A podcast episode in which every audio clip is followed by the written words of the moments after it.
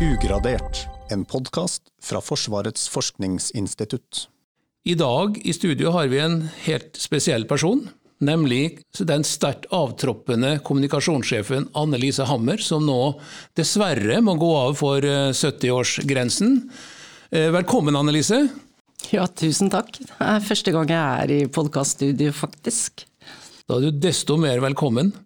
Vi eh, satt akkurat og snakka om at denne podkasten heter Ugradert, og det har du æren for. og Ugradert og FFI det var ikke synonymt. Fra 1946 og til 2004 så skjedde det en ting, nemlig at Annelise Hammer kom hit, til Kjeller, og skulle hjelpe instituttet med å bli åpent for allmennheten.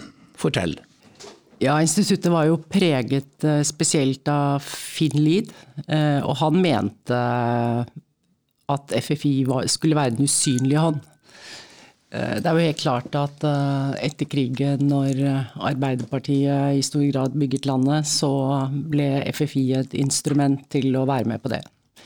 Og vi hadde stor innflytelse, men vi syntes ikke. Og det var meningen?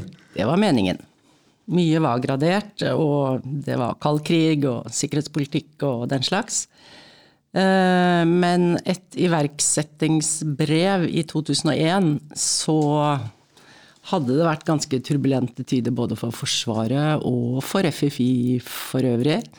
Som var blitt eh, utredet, og de hadde fått styre og den slags. Og departementet Et nytt økonomisystem, og departementet mente at nå måtte FFI synliggjøre virksomheten sin skaffe seg en kommunikasjonsstrategi for å rettferdiggjøre bevilgninger og det å få penger til eh, forskning.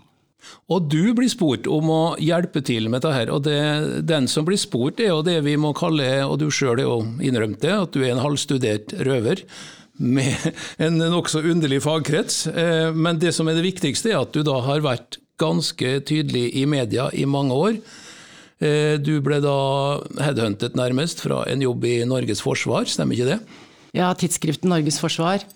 Så hadde det seg slik da at eh, FFI hadde fått en eh, sterk styreleder, noe daværende administrerende direktør Nils Holme hadde bedt departementet om.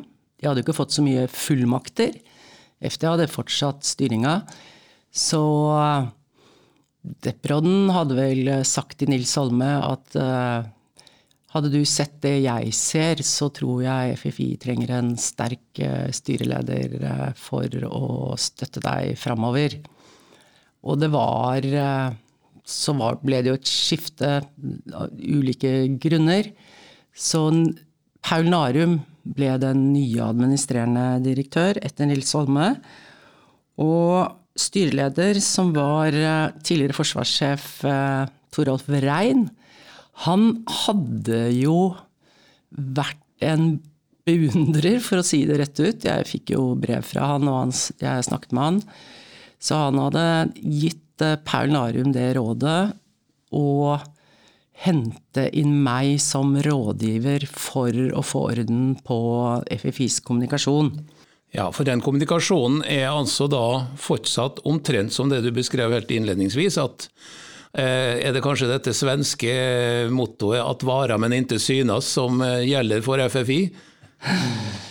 Ja, slik er det jo heldigvis ikke lenger. Eh, skulle jo bare mangle. Nå var det jo ikke rett på meg. Eh, FFI er jo alltid flinke når de får iverksettingsbrev og de får beskjed om å gjøre ting, så de hadde jo hyret et kommunikasjonsbyrå. Eh, argument. Eh, og de hadde laget en slags omdømmeundersøkelse. Jeg sier en slags, for de hadde jo ikke spurt så veldig mange. Og de hadde vel egentlig spurt knippe folk som egentlig bare bekreftet det de, mente selv. Eh, sånn at eh, ledelsen på instituttet, instituttledergruppa, de likte i grunnen ikke den, eh, den, strategien som dette byrået kom opp med. Det var ikke noe godt grep for en åpnere framtid? Nei, men det hadde jo noe med å gjøre at det fantes jo i realiteten ikke faglig forankret kommunikasjonskompetanse på instituttet. Og du kan ikke forvente at uh, forskningsavdelingssjefer, forskningsdirektører og den slags egentlig skjønner faget kommunikasjon. Så det de fikk seg forelagt, det likte de ikke. Og det var i den sammenhengen at Paul Narum uh, begynte å prate litt med meg, og prøvde, fikk overtalt meg da, til å komme og være rådgiver. Eh, jeg hadde helt eh, andre planer, skulle gå av som redaktør i Norges Forsvar. og så vi inngikk en kontrakt på åtte måneder. Jeg skulle være her åtte måneder da. Og da du kommer hit til Kjeller første gang, så vet jo ikke folk hvorfor du kommer. Og det er jo ikke noe som er tilrettelagt. Og, og eller hva skal vi kalle det, informasjonsavdelingen eksisterer jo nærmest ikke. Nei. Eh, nei. Det var nærmest bare sekretæren til Paul Narum og Narum som visste hva oppdraget var. Um, det var vel et eh, par andre som hadde fått nyss om det. Men uh, ja. Det, ja, altså hadde det blitt uh, tull Jeg skulle egentlig på for, sjefskurset på Forsvarets høgskole, så eh, sikkerhetsklareringsprosessen var i gang. Men NSM ble etablert i des, fra 1.12.2002. Og NSM er? Norsk sikkerhetsmyndighet. Det var de som eh, hadde med klareringer og den slags å gjøre. Sånn at de hadde rotet bort eh, mine Altså det var bare autorisasjonssamtalen igjen, men de hadde rotet bort alle papirene. Så når jeg dukket opp da rett før juli 2002, så var det jo litt eh, vanskelig for spesielt eh, den gang personalkontoret å skjønne hvordan dette skulle ordnes. Ikke var det data, altså Jeg hadde ikke tilgang på data, ikke noen telefon, ingenting. Så, men det er og den gangen da så kunne jo administrerende direktør eh, hadde myndighet til å klarere sjøl, så uti januar så var klareringen i gang, og jeg kunne sette i gang og jobbe. Det var ikke hvem som helst som kom inn døra, Annelise. Du, du kom jo fra Du hadde jobba i A-magasinet, du har jobba i Morgenbladet, du har til og med vært redaktør i Cupido, bladet for kåthet og glede. Eh, du har jobba for fjernsyn i TV3. Eh, I hele tatt, Du kom inn og kunne ganske mye om å kommunisere, og du kom til en eh, ja, om ikke akkurat en lukket avdeling, så var det iallfall ikke det stedet der du var vant til å snakke veldig tydelig ut og bli hørt? Ja, nå er det vel Det meste jeg har lært om journalistikk, lærte jeg vel. Jeg hadde jo vært redaktør av diverse studenttidsskrifter og Minerva, men det var politisk avdeling i Aftenposten. Eh, Egil Sundar. Daværende sjefredaktør? Daværende sjefredaktør. Han ble jo Nei, daværende. Han var, var sekretær for politisk avdeling. Aha. Eh, det er jo senere at han ble sjefredaktør.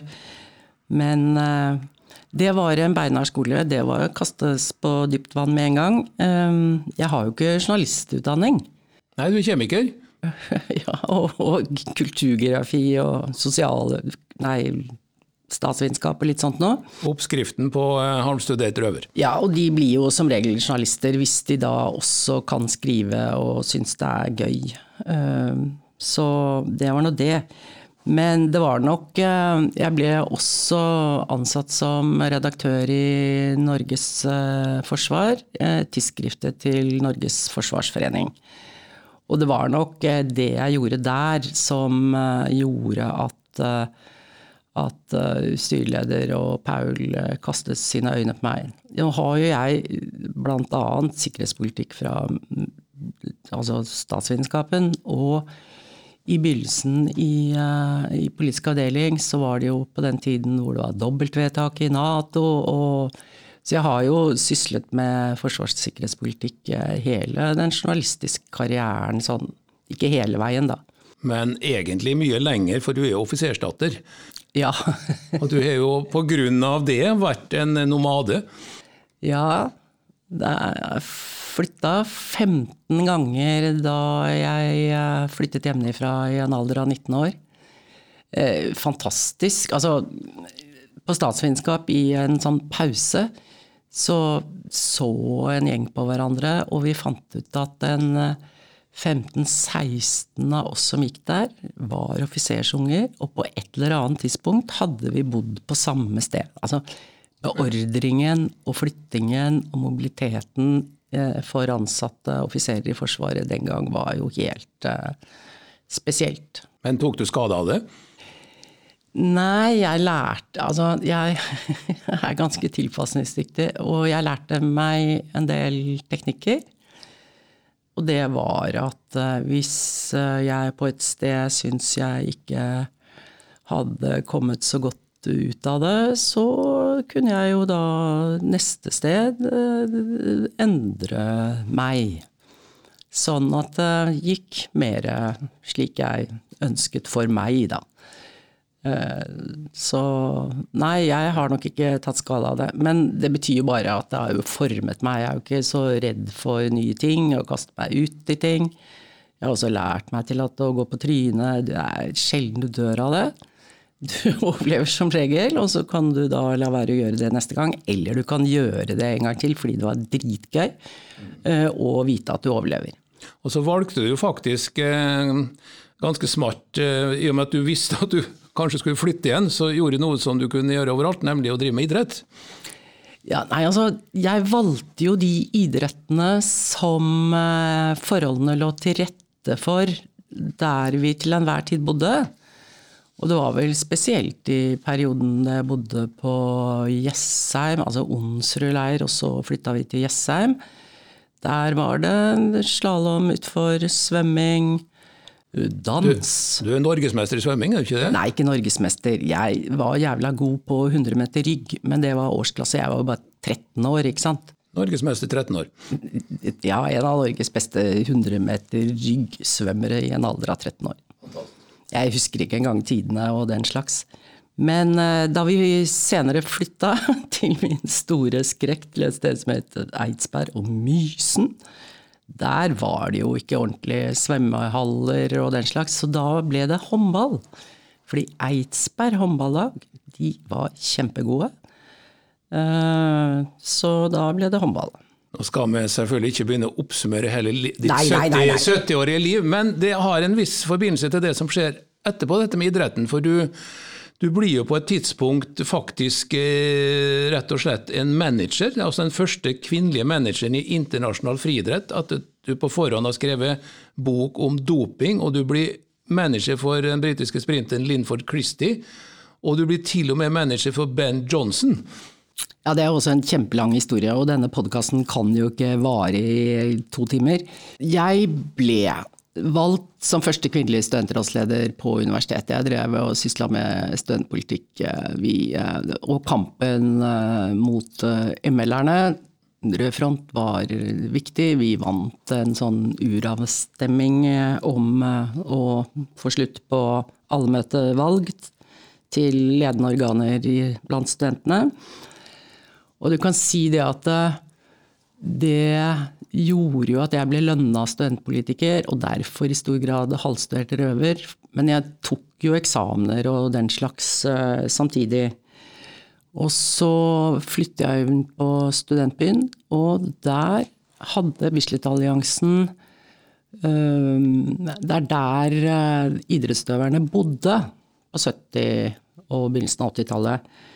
Og der eh, jobbet jeg i resepsjonen og var nattportier eh, noen år. Og så kjente jeg Sebastian Coe, den britiske mellomdistanseløperen, gjennom studentpolitikken. For han var studentrådsleder på Lafborough University. Eh, sånn at jeg ble kjent med mange av disse utøverne. Og så fikk jo jeg jobb i politisk avdeling i Aftenposten i 82. Og da kom Bislett-alliansen og spurte om ikke jeg eh, kunne bli pressesjef. Så var det jo mange av disse utøverne som også kom til meg og sa du kjenner vår virkelighet, du har peiling Altså, jeg har jo kjemibakgrunn, så jeg kom i god tale med alle disse lederne av dopingbyråer. Jeg skjønte en del ting av det, og de ja, det var på et NM hvor noen kom med en sånn Underground Steroid Handbook som de ga til meg. Og sa prøv å finne disse forfatterne. Og jeg klarte jo å finne disse forfatterne borte i California. Og de ville gjerne snakke med meg. Så det ble en serie i A-magasinet om doping og denne milliardindustrien. Sånn at det er litt sånn parallelt, uh, dette her. Og så hadde Linford Christie ble jeg kjent med via Sebastian Coe, og han uh, sleit med en del uh, ting som gjorde at jeg tok han til Norge og gikk til litt fysioterapeuter og sånt noe. Fikk ordna på det. Og han som farget britisk utøver, han syntes det var veldig kult å ha en kvinnelig manager, fordi han mente at jeg ville skjønne hvordan det var, er, å være undertrykket. så det begynte med det. Og så gjorde jeg noen strategiske grep for han som gjorde at det gikk litt gjetord om det. Så da sto det en del eh, toppidrettsutøvere i kø for å få meg til å bli manageren deres. Men for å gjøre den lange historien enda kortere, så satt jeg på et tidspunkt, og etter murens fall var det jo liksom østblokklandet Cuba og Polen og landslaget, og til og med kenyanerne skulle ha meg som manager. Og jeg tenkte skal jeg drive med dette resten av livet? Og da tenkte jeg nei, det skal jeg ikke. Så da ble det litt andre ting. Norges forsvar blant annet. Ja, og i Norges forsvar altså Vi må jo bare ta med en liten episode her. altså Nå begynner du å styre inn mot uh, Forsvaret virkelig. Og du må være den eneste sivile jeg kjenner som har fløyet, som faktisk har fløyet en F-16? Ja, nå er det jo noen sivile som har fått lov til å sitte på med F-16. Men du satt ikke bare på, du, du styrte den jo? Eh, ja, det var jo fordi at altså, jeg var jo også den eneste kvinnelige redaktøren i et forsvars- og sikkerhetspolitisk tidsskrift internasjonalt. Og vi eh, dro jo inn på den tiden, altså Norges forsvarsforening, en 15 millioner i annonseinntekter. Så det betød jo at veldig mange av disse leverandørene av materiell til Forsvaret, de annonserte jo i bladet mitt. Og jeg hadde en fantastisk annonseakvisitør som drev og skrøt veldig av meg. Eh, som gjorde at jeg ble invitert på alt mulig rart. Du ble invitert om bord? Å ja da. Eh, og så sier piloten Vi var Det var en fredagsflyving. Fire fly oppe eh, på tokt. To timers tokt under radarhøyde oppover Hemsedal, og vi bombet litt sånn forskjellige mål oppe i Rondane, opp mot Mjøsa, og så spør da piloten som sitter i forsetet Altså, det er én ting mange ikke vet. Det er jo at instruktøren sitter bak, litt opphøyd. Og alle instrumentene bak overprøver piloten som er under opplæring i, i forsetet. Så når du er bakseteflyver, så sitter du egentlig der hvor alle instrumentene overprøver instrumentene hos piloten. Og når jeg satt der, og piloten satt foran, så spør han Annelise vil du overta spakene. Og det, jeg fikk litt sånn hjerte i halsen. Tross alt et fly til 350 millioner. Så jeg tok spaken, og så vrei jeg litt på den, og så at jøss, det er jeg som styrer flyet. Og så fikk jeg eh, føre flyet i nesten 25 minutter. Fra Mjøsa nedom mot Oslo og Fornebu, det internasjonale liksom, luftrommet, og så videre inn mot Rygge. Og du var med å fly med vinge til vinge nesten mot Ja, vi skulle ha en sånn flowing four formation, som det heter. Altså du, sånn stjerne fire-fly. Og vi var Altså, jeg opplevde at vi var nesten ti meter mellom, eh, mellom vingespissene. Nå var det nok sikkert litt lengre, før han sa 'nå tar jeg over spakene'. Men jeg må jo også si den flyturen var jo fantastisk. For når du bomber, vet du, så må flyet svinge unna for å ikke bli tatt med i det liksom bombesjokket. Så man øver seg på det. Så jeg hadde jo 5,9 G på det meste. Og jeg spøy ikke. Ikke før vi, etter at vi hadde landet og vi ble kjørt i vill fart inn til skvadronsbygget. Den bilturen Jeg var jo ganske sliten da etter 5,9 G, og det var mye adrenalin. Det vil jeg tro. Og du hadde jo Du må forklare Du hadde egentlig ikke lov å være i det flyet fordi du har litt for lange bein. Nei, det, det, var når vi liksom skulle teste det hele, da. Altså, flyvere kan ikke være så veldig høye. Jeg vet ikke hva grensen er, 1,85 eller 80 eller et eller annet sånt noe. Og jeg er 1,75. Men så oppdaget jo at, og dette har jeg visst hele livet, at jeg har veldig lange lår. og de fant jo at jeg hadde lår som om jeg var 1,92 høy. Og det betyr jo selvfølgelig at eh, vi må jo forberede oss på krisesituasjoner hvor vi må skyte oss ut. Så da ble min eneste jobb, dersom vi skulle fly, eh, skyte oss ut, å rette ut beina, ellers hadde det jo blitt kuttet ved knærne. Det er jo ikke så god plass i en, en cockpit. Det er iallfall ingen andre som får oppleve dette her, for nå eh, F-35 har jo bare ensetere. Ja.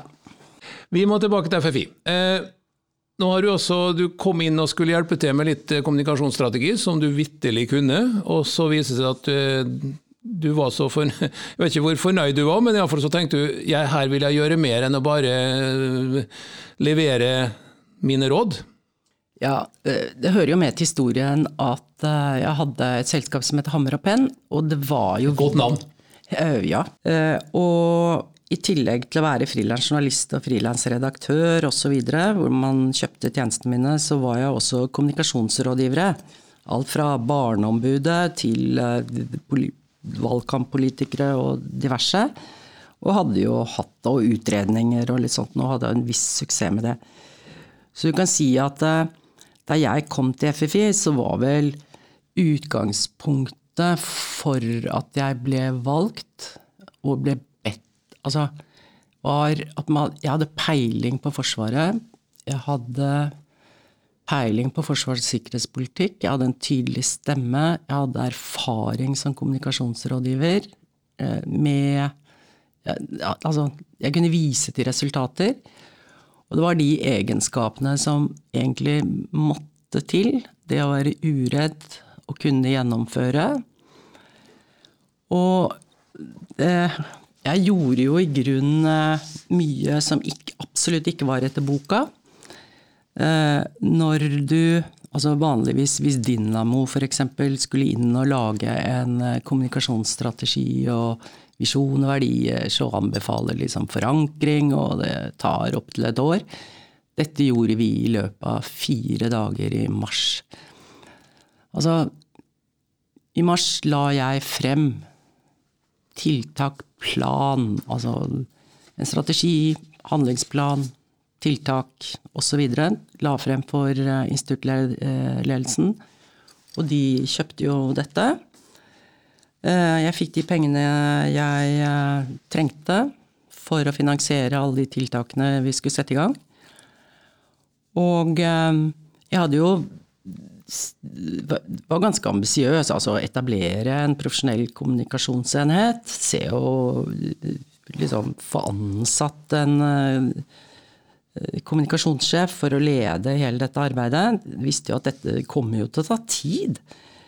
Så Men du var veldig motivert, tror jeg. Altså, du, du, gikk jo egentlig over i en sånn managerjobb for FFI, der du, så vidt jeg kan bedømme ut fra din karriere her, har vært flink til å selge gode prestasjoner. Ja, det er jo det. Altså, det er jo det. Halvstuert røver. Masse erfaring. Mye rundt omkring. Jeg har fått brukt for hver eneste erfaring jeg har hatt eh, gjennom karrieren til da. Så du kan si det for mitt vedkommende så var det nesten liksom å komme hjem samtidig som at jeg elsker utfordringer. Altså, dette var ikke noe lett jobb. Det var en svær jobb. Eh, mange sterke personligheter, mange meninger. Men jeg ble gitt enorm tillit fra ledelsen. Og det var liksom ikke noe valg for, eh, for de som ble utsatt for meg. uh, og det var mange kamper. Men Og det gjorde jo da altså Denne, denne åttemånederskontrakten ble jo forlenget et par ganger, og så fant de jo ut at de måtte jo ansette da en eh, Det het kommunikasjons- og informasjonssjef, for de hadde jo hatt en informasjonssjef før. Men det var jo denne overgangen fra å informere passivt til å kommunisere med målgrupper og få til endring osv. som var det nye. Ja, vi, vi, må jo litt inn på det. fordi Jobben til en kommunikasjonssjef er jo ikke bare å kommunisere, men du, du skal jo også stoppe snøballet før det blir ras. Altså det, det, er en veldig mangfoldig jobb. Vi, altså vi, må ta én ting som på en måte var litt gjennombrudd for FFI, og det er jo det som skjer med den lille Terra-gruppen. Ja, nå var jo det til en viss grad kjent. Altså 22. Eller jeg mener 11. september 2001. så var det jo FFI som var det eneste forskningsmiljøet som hadde kompetanse på Al Qaida. Med, og ja, gjorde en jobb. De hadde jo bygd opp dette. Asymmetrisk krigføring het vel i begynnelsen, og så spesialiserte de seg. Altså, deres jobb er jo å forberede eh, det norske forsvaret i utenlandsoperasjoner på fiender. Eh, og det å forberede seg på terrorister og den slags, det var en del av jobben vår. Dette er en bitte liten forskergjeng her på FFI som som noen kan arabisk. De, de, de, de kan Alle masse ting. Alle må kunne arabisk, men det er jo mange dialekter der, da. Men det er et sjeldent miljø? Det er det. Og jeg, altså, de første Altså 2004 på våren så skjer jo dette med bombene i Madrid. Og på, på flere tog i Madrid blir det da utløst bomber av en ja. terroristgruppe. Og så hadde jo da eh, noen FFI-forskere hadde sett et dokument før jul, dette var i mars i 2004, noe som tydet på at det var en link mellom Madrid-bombene og Al Qaida. Og så begynte jo telefonen å ringe. Altså Hele verden sto jo i kø for å snakke med FFI-forskerne våre. Og det er der jeg sier liksom, Jeg har erfaring på å være manager for toppidrettsutøvere. Og eh, jeg jobbet bare med utøvere hvor jeg visste hva de kunne prestere, og du skulle eh, skaffe dem sponsoravtaler og løpsavtaler og, og, og den slags. Så jeg opplevde jo veldig dette at det var ikke så veldig langt steg mellom å være manager for toppidrettsutøvere til å være manager kommunikasjonsrådgiver for fremragende forskere i verdenstoppen med ting å fortelle om som var viktige for internasjonal eh, forsvars- og sikkerhetspolitikk. Så, så det var elleve dager hvor eh, forskerne fikk eh, oppdatert seg og fikk sove, og jeg håndterte det, Og det var første gang de opplevde at noen på en måte brifa holdt de orientert, og vi diskuterte forskjellige ting. Og de kunne konsentrere seg om eh, det de skulle, og ikke drive og ta telefonen hele tiden og organisere seg sjøl, da. Så det var med faste møter. Jeg skulle egentlig på kino den kvelden, og det tok vel elleve dager før jeg fikk gått på den eh, kinoen. Det Men, var døgnet rundt. Du likte den lukta av sagmugg? Ja, eh, det det gjorde jeg. Nei, det var selvfølgelig spennende. Og så var det det at jeg hadde jo påbegynt et arbeid. Eh, og det ville jo ta mange år å få gjennomført eh, det arbeidet som var nødvendig. Så ble jeg jo ansatt, da, formelt. Ting skal jo være formelt på instituttet. Som informasjons- og kommunikasjonssjef fra 1. mai det året. Og så fikk jeg en telefon fra juryen i Kommunikasjonsforeningen i september, hvor jeg ble informert om at FFI var eh, en av de tre finalistene til den store kommunikasjonsprisen. Og om jeg kunne dokumentere en del av måten vi jobbet på. Og jeg må jo ikke stikke under stol at eh, nettopp eh, forskernes håndtering av bomben i Madrid gjorde jo at vi kom på radaren. Og at eh, plutselig så synes FFI i større grad enn før. Men samtidig så Og jeg tenkte dette er jo helt meningsløst. Altså, vi er jo liksom etablert kommunikasjonsenheten fra 1.1, og jeg ble ansatt 1. mai. Dette er jo, altså, vi er jo bare underveis. Men det var jo veldig mye som hadde skjedd eh, de 18 månedene før dette, da. Eller to årene før dette. Så jeg svarte jo etter beste evne. Dokumenterte det vi hadde av planer og forankring og finansiering og hvordan vi tenkte. Og så kom jeg jo på SAS-hotellet, 400 mennesker i salen, og så ja, ble vi nå ropt ropt opp da. Vi hadde jo også laget en sånn presentasjon av FFI eh, på forhånd. for å vise oss frem der. Dersom Altså, vi visste jo at vi var en av de tre. Og alle de tre hadde vel forberedt dette. Men jeg må si jeg var litt i sjokk. Og så, og så fant jeg Jeg driver jo og rydder på kontoret nå, eh, og kastet eh, det meste. Og noe beholder jeg. Så fant jeg plutselig juryens begrunnelse for denne første kommunikasjonsprisen for fremragende kommunikasjon. Eh, og hva sa de? Ja, for det første så var ikke denne prisen på grunn av en enkelthendelse, eh, men det var helheten i informasjonsarbeidet. Eh, FFI har tatt store skritt på kort tid og demonstrert eh, hvor bra de er på strategisk tenkning og arbeid, både med hensyn til kvalitet og kvantitet osv. Men det som gjelder instituttet, da, som ikke er bare liksom alle de planene og alt det vi gjorde knytta til eh, kommunikasjon, så selv om de sier at fagprisen eh, er ikke en synlighetspris, men en pris for bransjens beste informasjonsarbeid totalt, så er det jo det at eh, de er til stede og forklarer ting på en måte som gjør at vår innsikt i veldig alvorlige saker øker. Vi får presentert nyanser og økt tillit til deres arbeid gjennom den bevisste satsingen på kommunikasjon. Og de har bidratt til å skape trygghet hos det norske folk ved tragiske hendelser som Madrid-bombene og gisselaksjonen i Besla.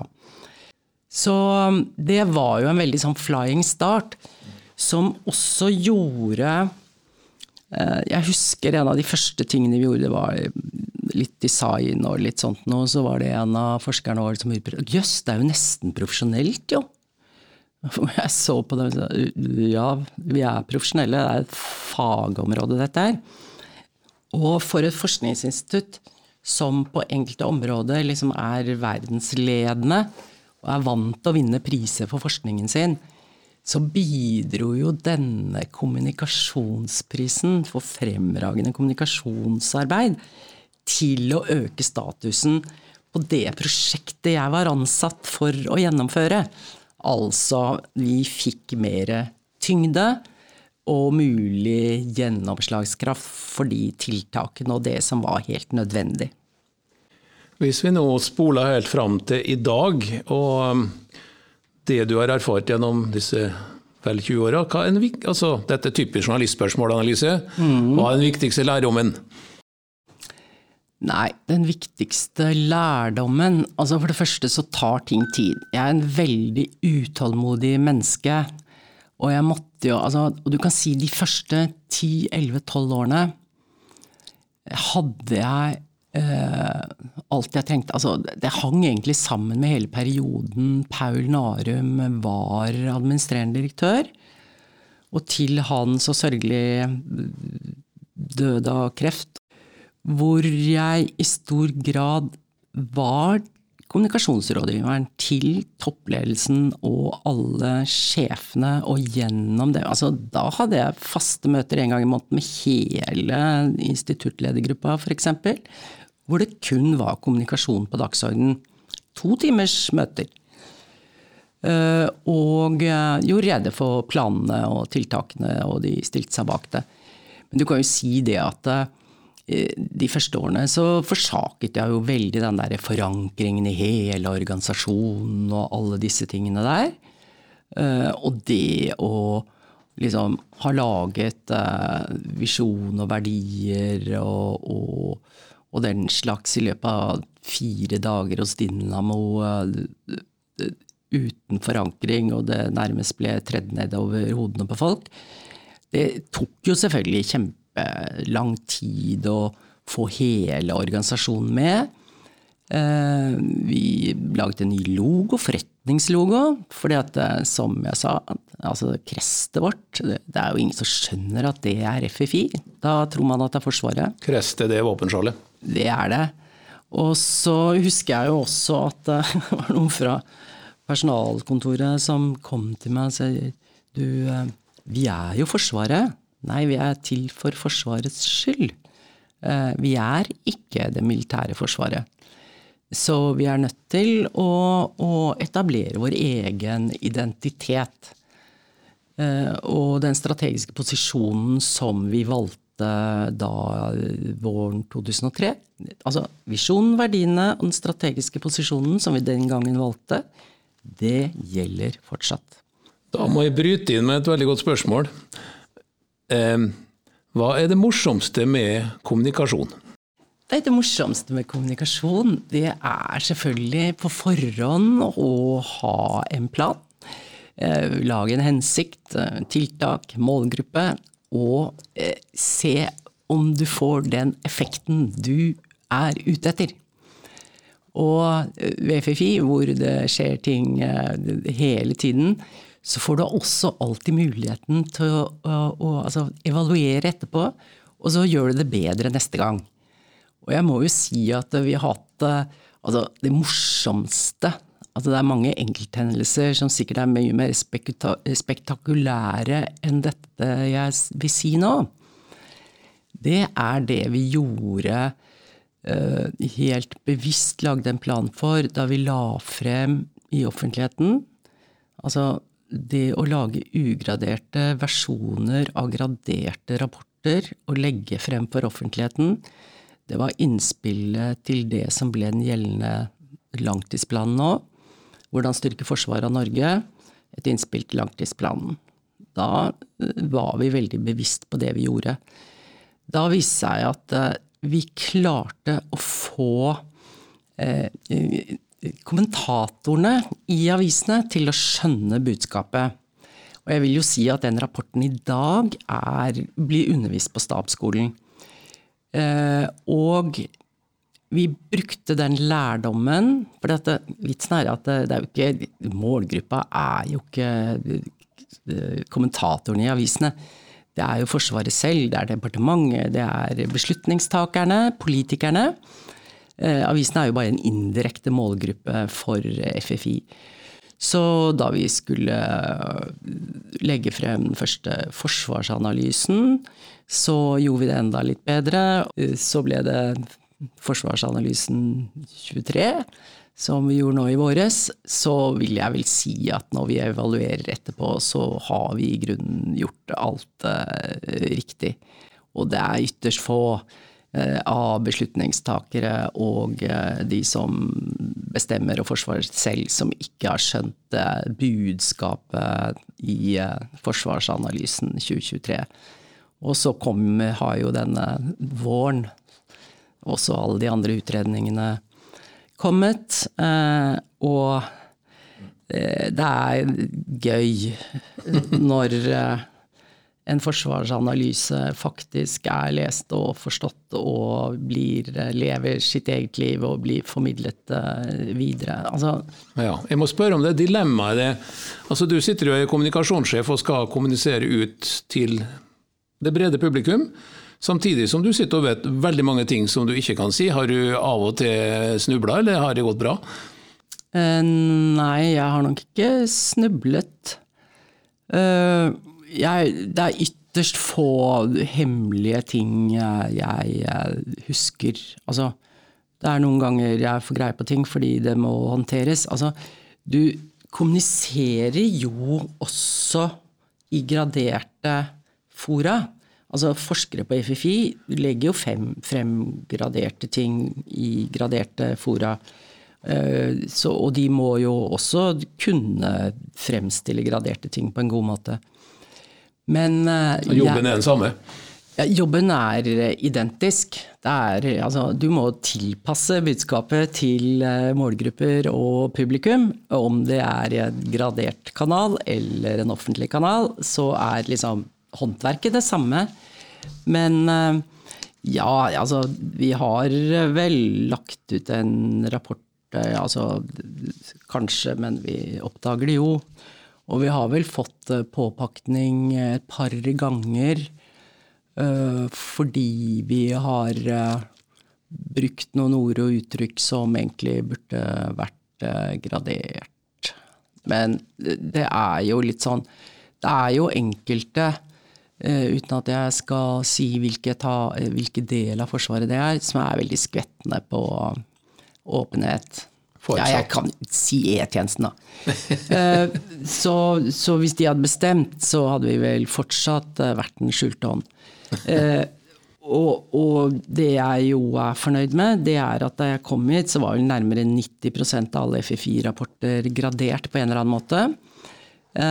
og i 2002, da vi telte etter, så var vi nede i 72 Men det er jo fortsatt enormt mye vi produserer som eh, er eh, ugradert. Og vi i stor grad er i stand til, forskerne våre er i stand til å formidle graderte ting på en ugradert måte. Men det er jo helt klart, da, og, og forståelsen ute i mediene og den slags er jo når vi sier det er såpass sensitivt at det kan vi ikke gå nærmere inn på, så aksepterer de det. Eh, du skal jo ikke slutte med kommunikasjon, selv om du eh, nå går av for den statlige aldersgrensen som sier at her kan du ikke være lenger. Du går jo rett over i ny jobb, du skal ikke være pensjonist? Nei, jeg har sittet i, i eh, hovedstyret i krigsskoleutdannede offiserers landsforening og langtidsutdannede. Som er den største akademikerorganisasjonen i forsvarssektoren. Eh, og eh, der skal jeg over som kommunikasjonssjef, så jeg tar fri på fredag. Siste arbeidsdag er torsdag. 31. Eh, og så begynner jeg der på mandag. Men det er Det skal liksom få til bedre kommunikasjon, nettsider, kanskje podkast og den slags. Nyhetsbrev. Og skal jobbe litt for Akademikernes studie forbund. Og eh, ta ellers noen oppdragsjobber som jeg har lyst på. Og jeg har ikke tenkt å Altså, det skal være veldig deilig. Altså, sekretariatet der er kvartalen nedenfor der jeg bor, så jeg får litt kortere reisevei. Det skal bli godt. Trene, få begynt å trene litt. Jeg kan trene på det tidspunktet jeg syns er mest behagelig, og det er færrest mulig på helsestudio. Dette er jo fagforeningspolitikk eh, og eh, fagforeningskommunikasjon. Vi har eh, godt over 1700 medlemmer, så det er jo en jobb å gå til det òg. Men her er på samme måte som FFI ikke offentligheten nødvendigvis målgruppen, men arbeidsgiver og, og det er liksom Så jeg gleder meg egentlig til det. Nå må vi ikke glemme at du har fått en ny sjef, og denne gangen med pels. Ja, jeg har jo så, gode venner, vet du. Eh, nestlederen i KOL, eh, Per Lausund, har også jobbet eh, Jobber også 20% på FFI fortsatt, selv om han er pensjonert fra Forsvaret. Veterinær. Han aler opp bengalkatter. Og vennene mine fant jo ut at jeg måtte ha noe å drive med når jeg ikke hadde FFI, som skulle fylle liksom, livet mitt 24-7, 365 dager i året. Så jeg fikk en bengalkatt, en hannkatt, i uh, fødselsdagspresang. Og han har inntatt uh, heimen. Jeg har jo hatt han med på jobben. Han er bare seks og en halv måned, så han kan ikke være hjemme hele dagen. Uh, så han er varm i trøya i korridorene her på FFI og ligger nå tålmodig og venter på meg oppe på kontoret. Da må du få lov å vende tilbake til Oka, og jeg sier tusen takk for samtalen og lykke til videre med fortsatt kommunikasjonsarbeid, Annelise Hammer. Takk for samtalen. FFI vil fortsette å lage podkaster i din ånd. Det, det er kjempebra. Tusen takk for at jeg fikk komme.